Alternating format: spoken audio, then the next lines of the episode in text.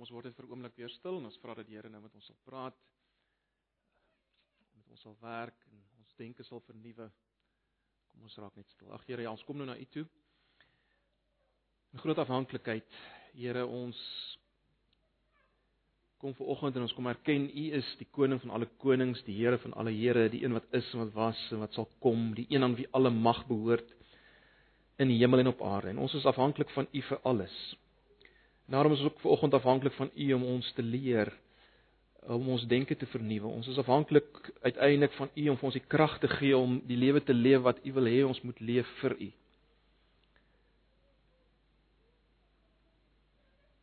Ag Here, daarom kom ons na U toe en ons vra vir hulp, ons vra vir krag. Ons wil vra verheerlik U self in hierdie oggend ook deur dit wat ons gaan oor praat en dit wat ons gaan dink en uiteindelik gaan doen as ons hier uitstap.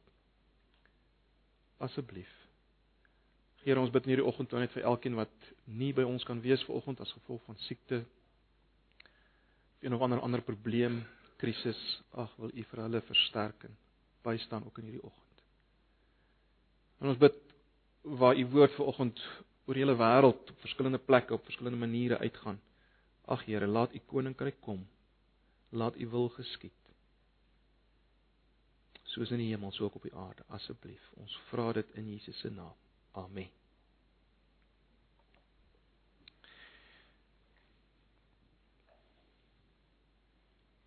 Nou ja, broers en susters, ons gaan vanoggend ook nie na 'n spesifieke gedeelte blaai nie, maar ek wil wel hê julle moet julle Bybels byderhand hou. Maar ek wil hê ons moet vanoggend na nog 'n onderwerp kyk wat uh in die boek 1 Petrus na vore gekom het. Uh 'n onderwerp wat ek ook graag in in 'n bietjie van 'n breër perspektief wil plaas. Of ek glo ons moet dit in 'n bietjie van 'n breër perspektief ook plaas. Natuurlik het ons dit aangeraak. Ons het hierdie onderwerp aangeraak toe ons dit hanteer dit in die gedeelte waar dit voorgekom het. Ehm uh, Maar ek wil hê soos gesê het ons moet dit vanoggend in, in uh, ons moet die groter prentjie kry en dan wil ek ook hê ons moet dit bietjie nader aan ons lyf bring as wat ons, ons dit uh, gebring het toe ons vinnig daarna gekyk het. Nou om by hierdie onderwerp te kom wa, uh, waarna ons gaan kyk, uh, wil ek hê ons moet onthou hoe hierdie eerste lesers van Petrus aangespreek is. Julle sal onthou Petrus noem hulle vreemdelinge en bywoners in 1 vers 1 1 Petrus 1 vers 1 en ook weer in hoofstuk 2 vers 11 en 12 word hierdie term gevind. Vreemdelinge en dan die kombinasie vreemdelinge en bywoners. En julle sal onthou dit mekaar gesê, natuurlik verwys hierdie terme na die feit dat hulle geestelik gesproke vreemdelinge en bywoners is. Hulle hoort nie hier nie, hulle eintlike vaderland is dit waarna toe hulle op pad is. Ehm um, so in daardie sin geestelik gesproke is hulle vreemdelinge en bywoners. Maar ek het vir julle gesê dat die die Griekse woorde wat hier gebruik word, dui ook daarop dat hulle werklik in die plek waar hulle gebly het die sosiale status as jy wil gehad het van vreemdeling en bywoners. Hulle was eintlik in 'n sin bietjie tuisteloos. Hulle het nie volle burgerregte gehad nie. Uh hulle was in 'n sin bietjie haweloos waar hulle gebly het, tuisteloos waar hulle gebly het. Dit is die hele gedagte van die begrip ehm um, vreemdeling en bywoners. En dis die mense vir wie Petrus skryf. Uh dis die mense vir wie hy skryf. So dit is belangrik om daai term te onthou. Dan is dit ook belangrik om 'n ander term te onthou wat Petrus gebruik uh in sy brief in 1 Petrus 4 vers 9. Ons vertalings vertaal dit met gasvryheid. Petrus sê wees gasvry teenoor mekaar sonder om te murmureer. Nou hierdie woord gasvry, ek dink ek het dit genoem toe ons daarna gekyk het, uh is 'n saamgestelde woord. Uh die Griekse woord is is philoxenos, miskien lei julle iets daarvan af xenofobie en so meer. Uh maar letterlik is dit die twee woorde waar die woord saamgestel is, die woord wat ons met gasvryheid vertaal is die woord liefde vir die vreemdeling. Liefde vir die vreemdeling. En natuurlik het, het dit nou 'n nuwe begrip geword wat gestaan het vir die tipe ding wat ons vandag gasvryheid noem. En dit was iets wat ek hoop ons gaan raak sien ook geweldig belangrik was in die vroeë kerk. En dis oor hierdie onderwerp waaroor ek wil praat. Ek wil praat oor hierdie onderwerp van gasvryheid teenoor mense wat vreemdelinge en bywoners is. Nie net geestelik gesproke nie, maar ook in 'n sekere sin baie keer fisies wat betref hulle eie werklike situasie. Maar kom ons kyk eers na hierdie onderwerp in die lig van die groter prentjie.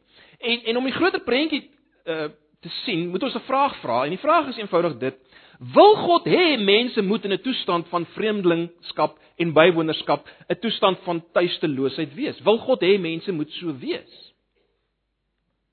So kom ons kyk eers weer na die begin van alles as ons hierdie vraag wil antwoord. En dan sien ons wat wil God vir die mens en wat wil God vir my en jou? Wat doen God aan die aan die begin? Ons ons ons ken die verhaal, né? Nee? Ons ons weet God aan die begin skep die mens en dan gee God vir die mense metgesel. Een wat by hom pas. En dan gee God vir hierdie mens 'n tuiste. 'n Tuin in Eden.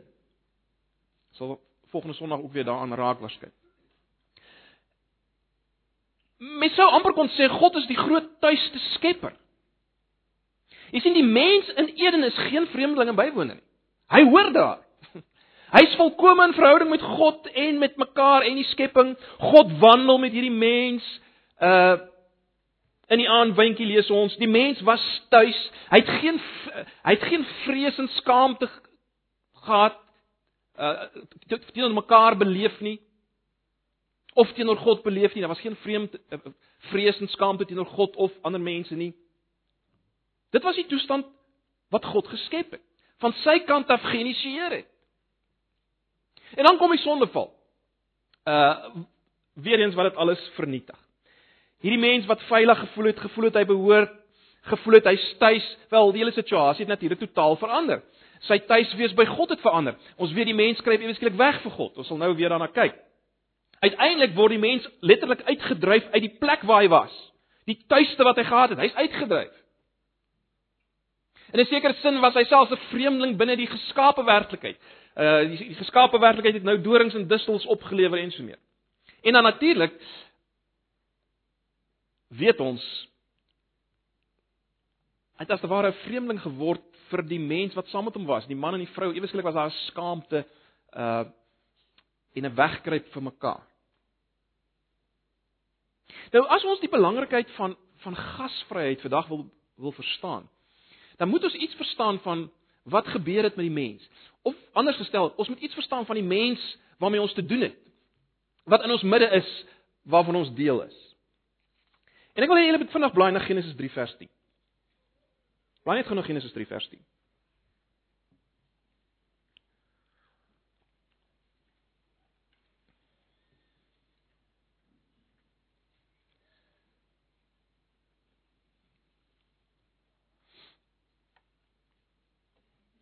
Ek gaan sommer in albei vertalings lees. In die 83 ag die 53 vertaling lees ons en hy dis nou uh, Adam die mens het geantwoord: Ek het u geruis gehoor in die tuin en gevrees. Dis nou nadat God geroep het: Adam, waar is jy, né? En hy antwoord: Ek het u geruis gehoor in die tuin en gevrees want ek is naak, daarom het ek my verberg. Die 83 vertaling sê: Ek het u oorwandel in die tuin en ek was bang geweest want ek is skaal en toe het ek weggekruip. Ek wil net 'n bietjie bietjie net dink oor hierdie vers. Want ek dink hier hier lê iets belangrik vir ons om raak te sien. Die eerste ding wat wat die mens sê is ek was bang. Mens kan amper sê dis die kernemosie van Adam. Die kernemosie is bang. Ek was bang. Wat was sy kernmotivering waarom hy bang was? Hoe verduidelik hy dit? Wel, want ek is skaal. So sy kernemosie, ek is bang want ek is skaal, dis sy kernmotivering as jy wil. En dan sy kernstrategie hoe om hierdie probleem te hanteer is toe ek weggekruip. sien julle dit? Kernemosie, ek is bang. Sy kernmotivering waarom hy bang is is ek is skaal, ek is naak. En dan hoe hanteer hy dit alles? Hoe hanteer hy die toestand waarin hy homself bevind? Wel, sy kernstrategie hoe hy dit hanteer is, hy kruip weg. Hy kruip weg. Kom ons kom ons dink 'n bietjie daaroor. Hy sê ek was bang. Kyk, ons het nou net mekaar gesê voor die sondeval was daar nie sprake van vrees nie, maar nou was daai toestand verlore. En en en onsekerheid het ingekom in die geskaapte werklikheid. Emosionele stres, gebroke verhoudings en dood het ingekom. En nou ewe skielik is Adam daarmee gekonfronteer en die gevolg is vrees, bang wees. En broers en susters, ons moet onthou die die beheerende emosionele energie van die meeste mense rondom ons is steeds vrees. Ek sê dit weer. Die beheerende emosionele energie van die meeste mense is steeds vrees. En en as jy bietjie gaan ontleed vat net jou eie lewe gaan as jy werklik gaan ontleed hoe baie van jou optrede beheer word deur vrees, sal jy geskok wees. Kom ons dink dit weer aan Adam. Waarom presies was hy bang? Het dit gegaan net oor hierdie hierdie hierdie hierdie hierdie fisies die feit dat hy fisies naak was, kaal was? Ek dink nie so nie. Ek dink daar's meer hier. Ek dink dit gaan spesifiek hieroor dat hy vir die eerste keer gekonfronteer is met 'n bewustheid van onaanvaarbaarheid. Hy's gekonfronteer met 'n bewustheid van onaanvaarbaarheid. Hy het besef as hy ontbloot gaan word as 'n oortreder van God se woord, dan kon hy verwerp word deur die persoon van alle persone.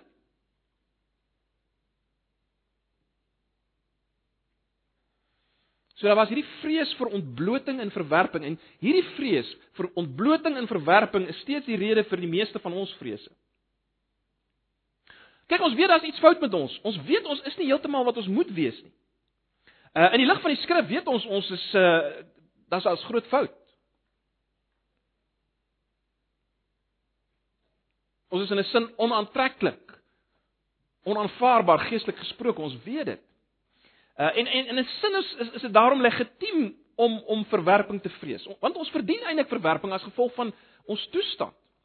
Die probleem is dat ons hierdie hierdie vrees vir blootstelling en verwerping dra ons oor op mekaar.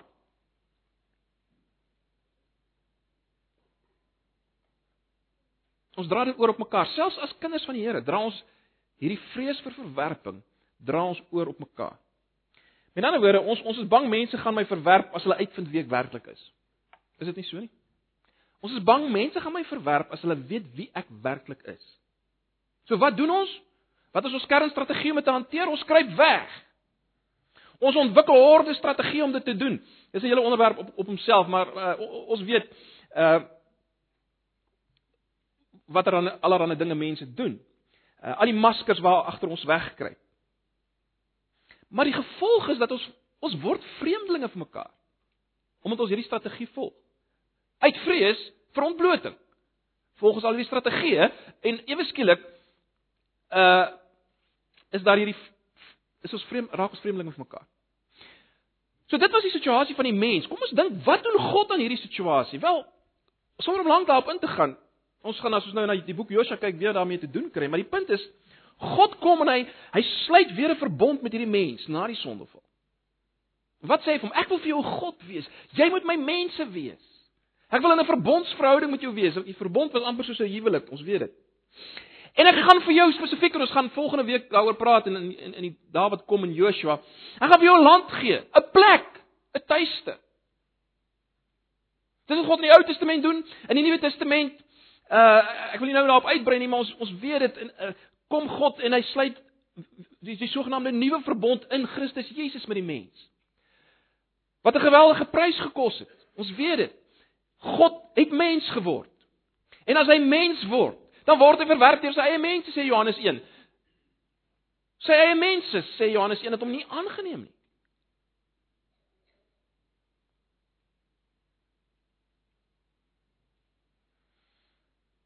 Hy word verwerp deur die mense in die naaste aan hom. Hy word verloon deur hulle. Hy word uiteindelik gekruisig, nakend, alleen, in so 'n mate dat hy selfs van God uitroep, "My God, my God, waarom het U my verlaat?"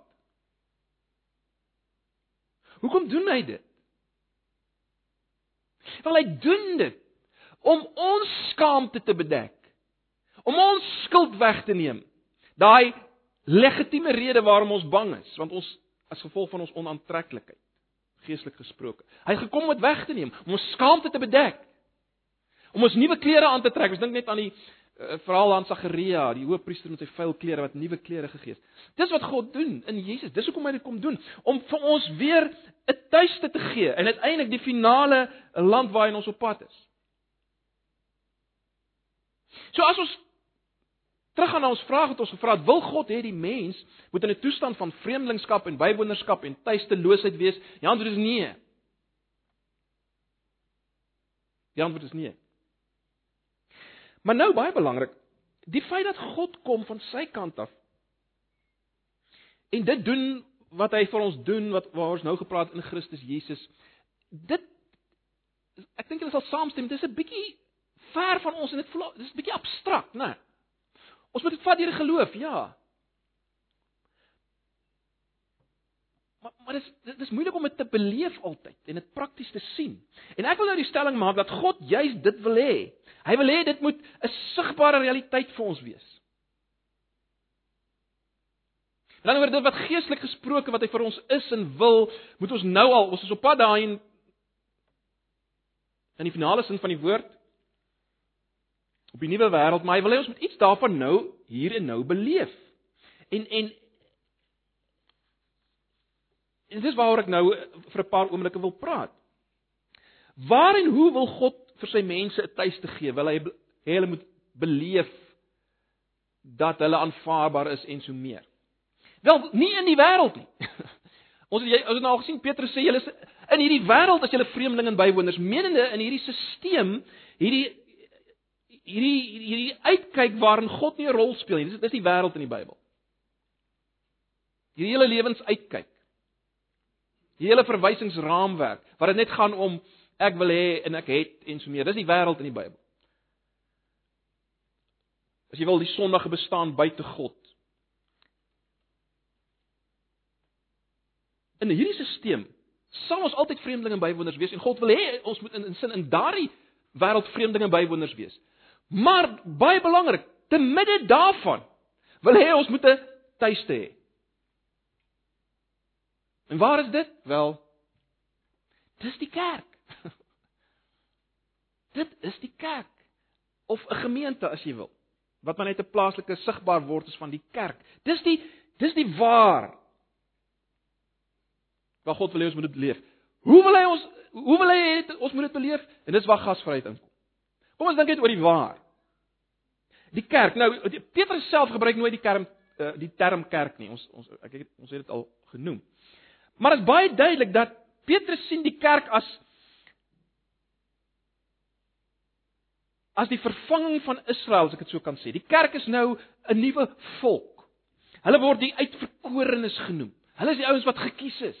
Ons het daaroor gepraat. Hulle is nou lewende stene, hoofstuk 2 vers 5. Hulle is 'n geestelike huis, ook 2 vers 5. Hulle is 'n heilige priesterdom, maar nog meer belangrik, As mens mooi gaan kyk na Petrus, is dit baie duidelik dat Petrus die kerk sien as die familie van God. Hy praat spesifiek van God as die Vader in Hoofstuk 1 vers 2 en vers 3 en ook vers 17.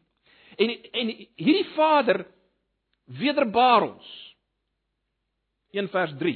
En so word ons kinders van God. Hoor die terme. Ons word kinders van God. 1 Petrus 1 vers 14 en 2 vers 2. En hierdie kinders van God vorm 'n broederskap. Hoofstuk 2 vers 17 en hoofstuk 5 vers 9 wat broederliefde bewys. 1 vers 22, 3 vers 8 en so meer. Nou, dis geweldig belangrik. As mens net dink aan die eerste situasie van 1 Petrus, ek dink ons het dit genoem, maar hierdie hierdie hawelose Christene van Klein-Asië in die gemeente, in die kerk het hulle 'n plek gekry wat hulle huis kon noem tuiste kon noem. Dis waar hulle hierdie plek gekry het. Nou is die vraag maar hoe? Hoe beleef Wat is die manier hoe ons binne hierdie plek die kerk beleef dit wat God vir ons wil? En en die antwoord is gasvryheid. Gasvryheid. Nou Petrus is nie die enigste een wat hierdie term gebruik nie. Ek herinner julle net aan aan Romeine 12 vers 13 waar ehm uh, waar Paulus sê maak voorsiening in die behoeftes van die heiliges streef na gasvryheid. Dis die term wat hy gebruik. Streef na gasvryheid. Uh die 83 sê lê julle toe op gasvryheid. Dis belangrik. Onthou hy sê dit in die gedeelte van Romeine na hy in die eerste 11 hoofstukke van Romeine gesê het wat God alles vir ons gedoen het uh, en uiteindelik hoe hy die skeidsmuur afgebreek het tussen Jode en Heidene en al daai dinge. Uh die hele evangelie gebring het. Na dit as hy kom by die by die kan ons sê die praktiese uitlewing, die toepassing is een van die goed wat hy sê lê julle toe of jaag na gasvryheid. Streef na gasvryheid. In Hebreërs, uh, ons het Hebreërs gedoen, die Hebreërs wat wat gaan oor die geweldigheid van God se laaste woord Jesus en alles wat hy gedoen het. Sy finale offer en in in sy hoëpriesterskap en die vastigheid van ons verlossing as as gevolg van dit. Dan kom hy aan die einde en mens weet aan die einde wil jy altyd amper die belangrikste goed sê. Uh, as jy aan die einde kom in Hebreërs 13 dan sê hy in vers 2 Vergeet die gasvryheid nie. Vergeet die gasvryheid. Of moenie nalat om gasvry te wees, sê die 83 vertaling. Nou, ek dink jy het dit genoem, maar dit is baie belangrik dat ons moet dat ons moet verstaan gasvryheid in die Nuwe Testamentiese tyd se fokus was nie die voltafel om dit so te stel nie, maar die oop deur. Ons is geneig as om te, om te dink aan gasvryheid in terme van die die voltafel as ek dit so kan stel. 'n Tafel wat vol is van al die beste kosse en die meeste kos wat jy nog in jou lewe gesien het. Dis nie die fokus in die Nuwe Testament. Die fokus was natuurlik kom ek stel dit so, natuurlik is daar iets te ete gegee vir die persoon wat by jou aankom. Maar die fokus was gewees die die oop deur wat sê ek is lief vir jou as vreemdeling en bywoner. Hier's vir jou tuiste. Maar broers en susters, ons moet oplet. Dis dis dis dis letterlik 'n bevel in hierdie gedeeltes. Dis 'n imperatief soos ons sê, 'n bevel. Dis ons plig, dis nie opsioneel nie. Met ander woorde, behalwe as dit totaal onmoontlik is, nou, nou is verseker tye in in situasies waar dit onmoontlik is om om gasvry te wees. Uh mense sou sulke situasies kan uh kon verwoord, maar behalwe da, as dit behalwe vir sulke situasies, uh is die enigste ander rede hoekom ons dit nie doen nie sonde. Want dit is 'n absolute imperatiewe opdrag. Kan dit nie duideliker kry nie. En ons moet onsself en as gemeente in die lig daarvan toets. Ehm uh, nou, ek ek weet ons as gemeente om 'n bietjie nader aan onsself te bring.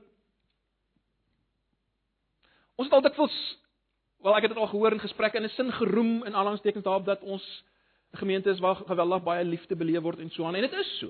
En dit is so. Maar broers en susters, ek moet met skaamte vanoggend sê dat dit wel so is dat hier al mense al mense ingekom het die gemeente besoek het vir 'n hele paar keer en hier uit is en ek moet dit met julle deel, al met my gedeel het dat niemand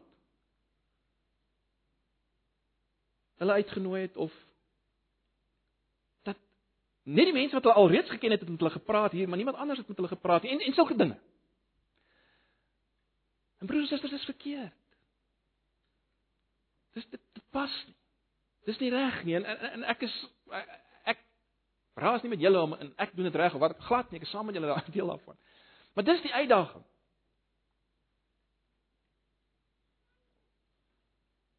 Het ons 'n oop deur vir mense, nie net die wat jy al reeds ken nie. Met ander woorde, teenoor teenoor wie moet ons gasvry wees? Wel, in ons situasie sal ek dit so stel, lidmate en elkeen wat hier instap. Elkeen wat op een of ander manier belangstel wat hier aangaan. Op een of ander manier, een of ander manier deel is van die Christelike gemeenskap. Ons ons gaan nie nou grawe of die persoon regtig gered is of nie. Dis dis nie vir ons om te sê nie. Punt is hulle hulle is hier. Hulle kom oor ons pad. Dis die uitdaging. Jy sien, die punt is gasvryheid is die beste middelinstrument, ek weet nie presies hoe om dit te stel nie, vir bemoediging, vermaaning en getuienis.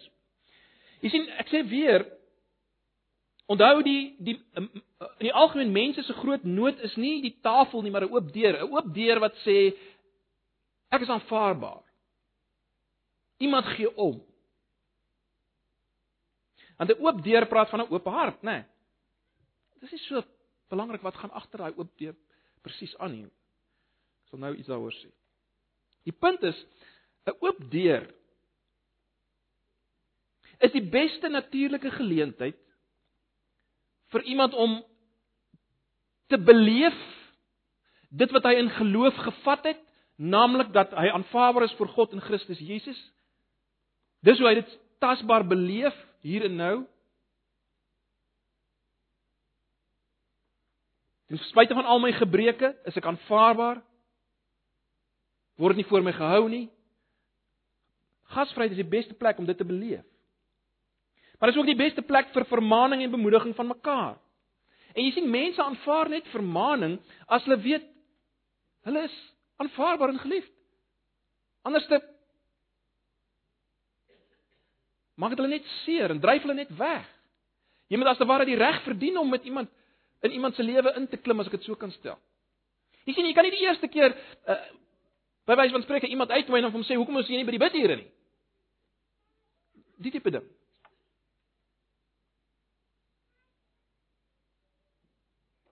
Of iemand sê hoekom is jy nie by die bidure nie? Maar jy het hom nog nooit eens gegroet toe hy by die gemeente aangekom het nie. Julle hoor wat ek sê. Gasvryheid is die plek waar waar hierdie klimaat gekweek word. En natuurlik, dis die beste manier of die beste plek waar ons getuies kan wees van dit wat Jesus vir ons gedoen het van wie hy is en so meer.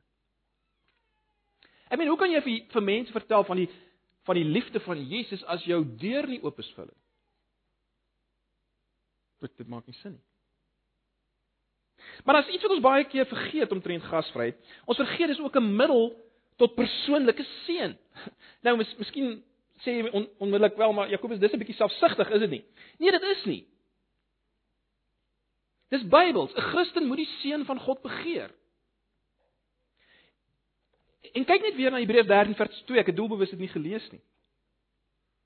Hebreërs 13 vers 2 begin met vergeet die gasvryheid nie en dan staan daar want Daardeur het sommige sonder om dit te weet engele as gaste geherberg. Nou die die die verwys die gedeelte verwys natuurlik na Genesis 18.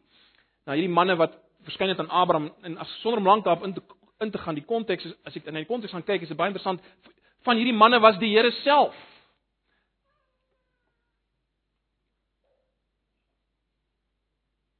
Jesus sê Matteus 25 Ek was honger en julle het my iets gegee om te eet en ek was naak en julle het my aangetrek ensovoorts. Ek. Jesus sê sover julle dit een van die aan een van hierdie geringstes gedoen het. Nie wat jy eintlik tel nie. Het jy dit aan my gedoen? So die punt is jy ontneem jouself as jy nie gasvry is nie, ontneem jy jouself en jou kinders die voorreg om hierdie seëning te kry van in aanhalingstekens Jesus self in jou midde. Dit lyk my dis die dis die implikasie.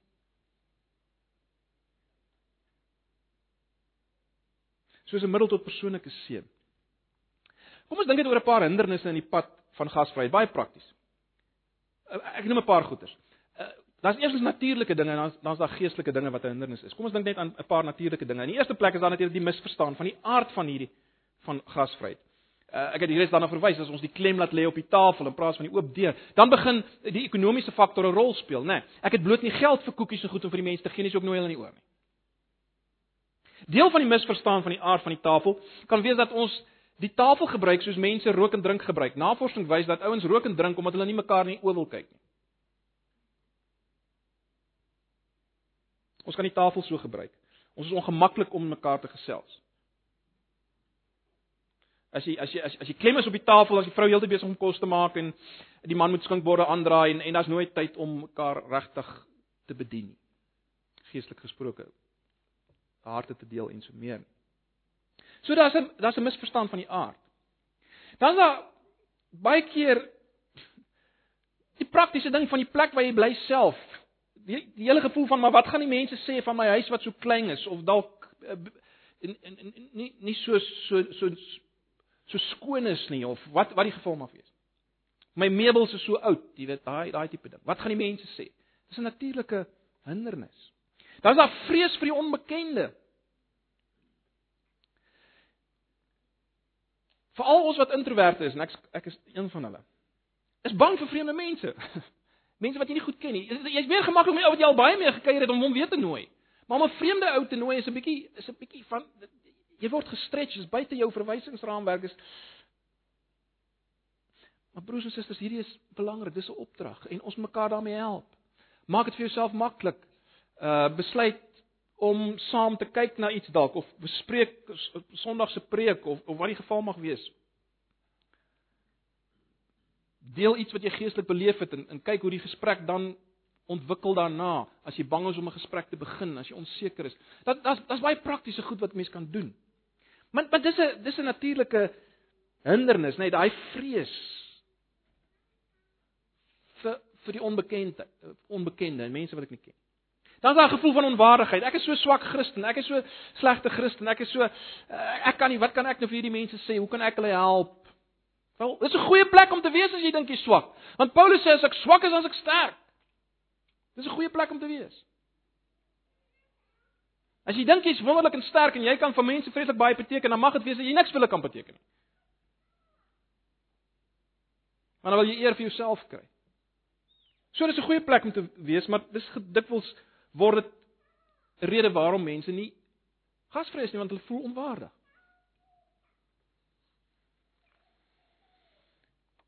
So dis natuurlike hindernisse en die, en die genesing daarvoor is maar net Eindelik dit wat ons in 1 Petrus kry, nê, daar in hoofstuk 5. Werp al julle bekommernisse op hom, want hy sorg vir julle. Gee dit vir die Here, hierdie hierdie bekommernisse wat jy het oor al die dinge wat ons genoem het. Maar daar's geestelike hindernisse. Baie vinnig. Dis hartsprobleme, nie denkprobleme nie. En een eerste ding is is doelbewuste onkunde en daarmee bedoel ek jy vat eenvoudig nie dit wat hier hier opdragte wat hier staan nie. Maar die punt is dit is nie weggesteek nie, dit is daar maar jy kies om dit nie te vat nie. So dis doelbewuste onkunde. En daarom is dit sonde. Dis 'n geestelike hindernis en jy moet jouself daarvan bekeer, jy moet dit bely. Vat dit wat die Here sê. 'n Ander geestelike hindernis is gelykvormigheid aan die wêreld. Romeine 12 vers 1 en 2 sê moenie gelykvormig word aan die wêreld nie, maar laat julle vernuwe word. Laat laat julle denke vernuwe word. In watter sin wêreldgelykvormigheid? Wel, Wat is 'n kenmerkend van ons tyd? Wel, dis die dis die hele ding van onpersoonlike isolasie. Elkeen sluit hom af in sy eie wêreldjie. Uh, klim maar in 'n huisbak en kyk, niemand praat mekaar nie. Elkeen staar na sy selfoon. Onpersoonlike isolasie. En die, die probleem is ons as Christene verval in dieselfde ding. Ehm uh, Jy weet ons wil nie ons daar's 'n vreesagtigheid en dit uh, Ek deel dit met julle. Dit is moeilik om te praat baie keer en jou, jou hart oop te maak en geestelik te praat. Maar hier is 'n opdrag. Dis geweldig belangrik. Dis wat God wil. Dis hoe hy is. Baie keer is ons bang dat die mooi beeld wat ek opgebou het as 'n perfekte Christen so op afstand, dat daai mooi beeld van 'n perfekte Christen afgebreek gaan word as mense my beter leer ken. En waarskynlik gaan dit afgebreek word, maar dit is goed dat dit afgebreek word. Want baie van ons is nie so wonderlike goeie Christene soos ons voorgee om te wees nie, ingesluit uit die ou wat hier voor staan. So ons doen ons eie ding. Dan nou bloot eenvoudig plain hoogmoed. Vrouens veral wil die reputasie hê van 'n goeie huishouster en 'n goeie kok en is bang as mense na hulle huis toe kom en kom die mense agter hulle is nie so goed nie. Jy sien jy's meer gestel op jou reputasie as op die nood van die vreemdeling. En daarom is sien jy gasvry.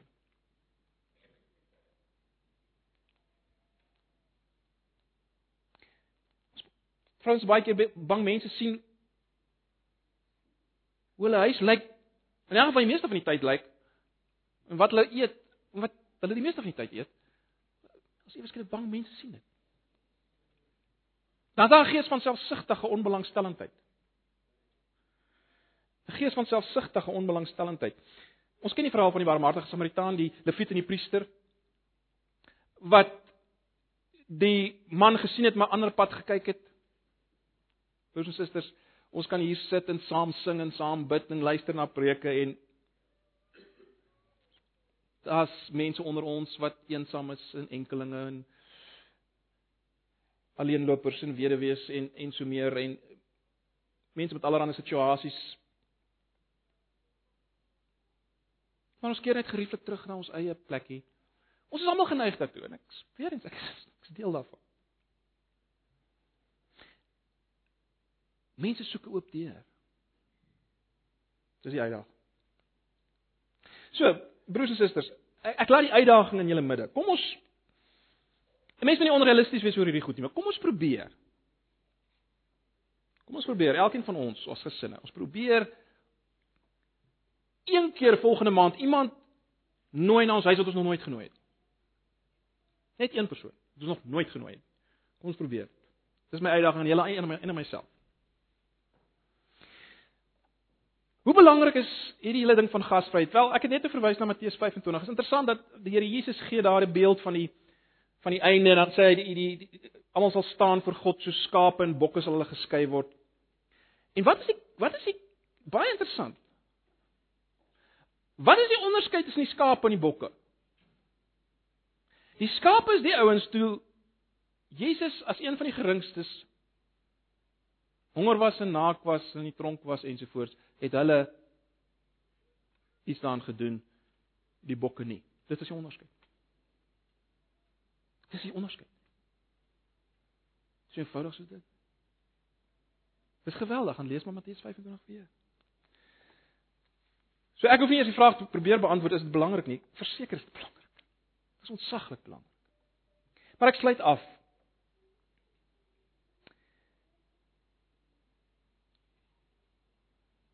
Waarom moet ons gasvry wees? Ten diepste broers en susters.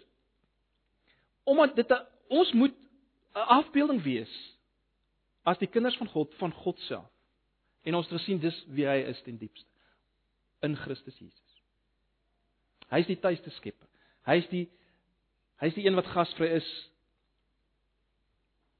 in die oortreffende trap as ek dit so kan stel. En natuurlik is ons op pad, ek het reeds daarna verwys, ons is op pad na 'n finale tuiste by hierdie kom ek noem dit gasvrye God. Die een wat met ons wil by ons wil wees. Vir my is een van die mees aangrypende gedeeltes Openbaring 3 vers 20 wat wat Jesus sê ek wil ek wil ingaan en saam met jou maaltyd hou en die maaltyd waarna verwys word daar is juist die maaltyd waar waar baie uh, waar baie tyd aanspandeer is in die sin dat dit lank gevat. Mense het lank gekuier saam met hierdie maaltyd. Dis die maaltyd. Daar's drie woorde vir maaltyd in Grieks en dis daai een wat gebruik word. Ek wil tyd spandeer. Ek wil saam met julle maaltyd hou. En ons is op pad na die Here wat so is. Op pad na 'n nuwe tuiste, 'n nuwe skepping. Gaan lees Openbaring 20 tot 22 oor oor die nuwe tuiste wat waar ons onsself gaan bevind. Dis waar ons op pad is. Mag die Here ons help om om iets daarvan hier te beleef. Hy wil hê ons moet hier iets waarvan beleef binne in die gemeente deur middel van gasvry. Mag die Here ons daarmee help. Kom ons kom ons sluit net af. Mag Here, dankie vir u woord. Dankie ook vir hierdie saak waarna ons kon kyk. Help my en help ons elkeen om dit te hoor en te, te vat en lig daarvan te leef. Dankie Here dat ons kan weet ook hierdie woord is gee vir ons vir ons eie beswil vir ons eie grootste vreugde. Help ons daarmee asseblief. Ons vra dit in Jesus se naam. Amen.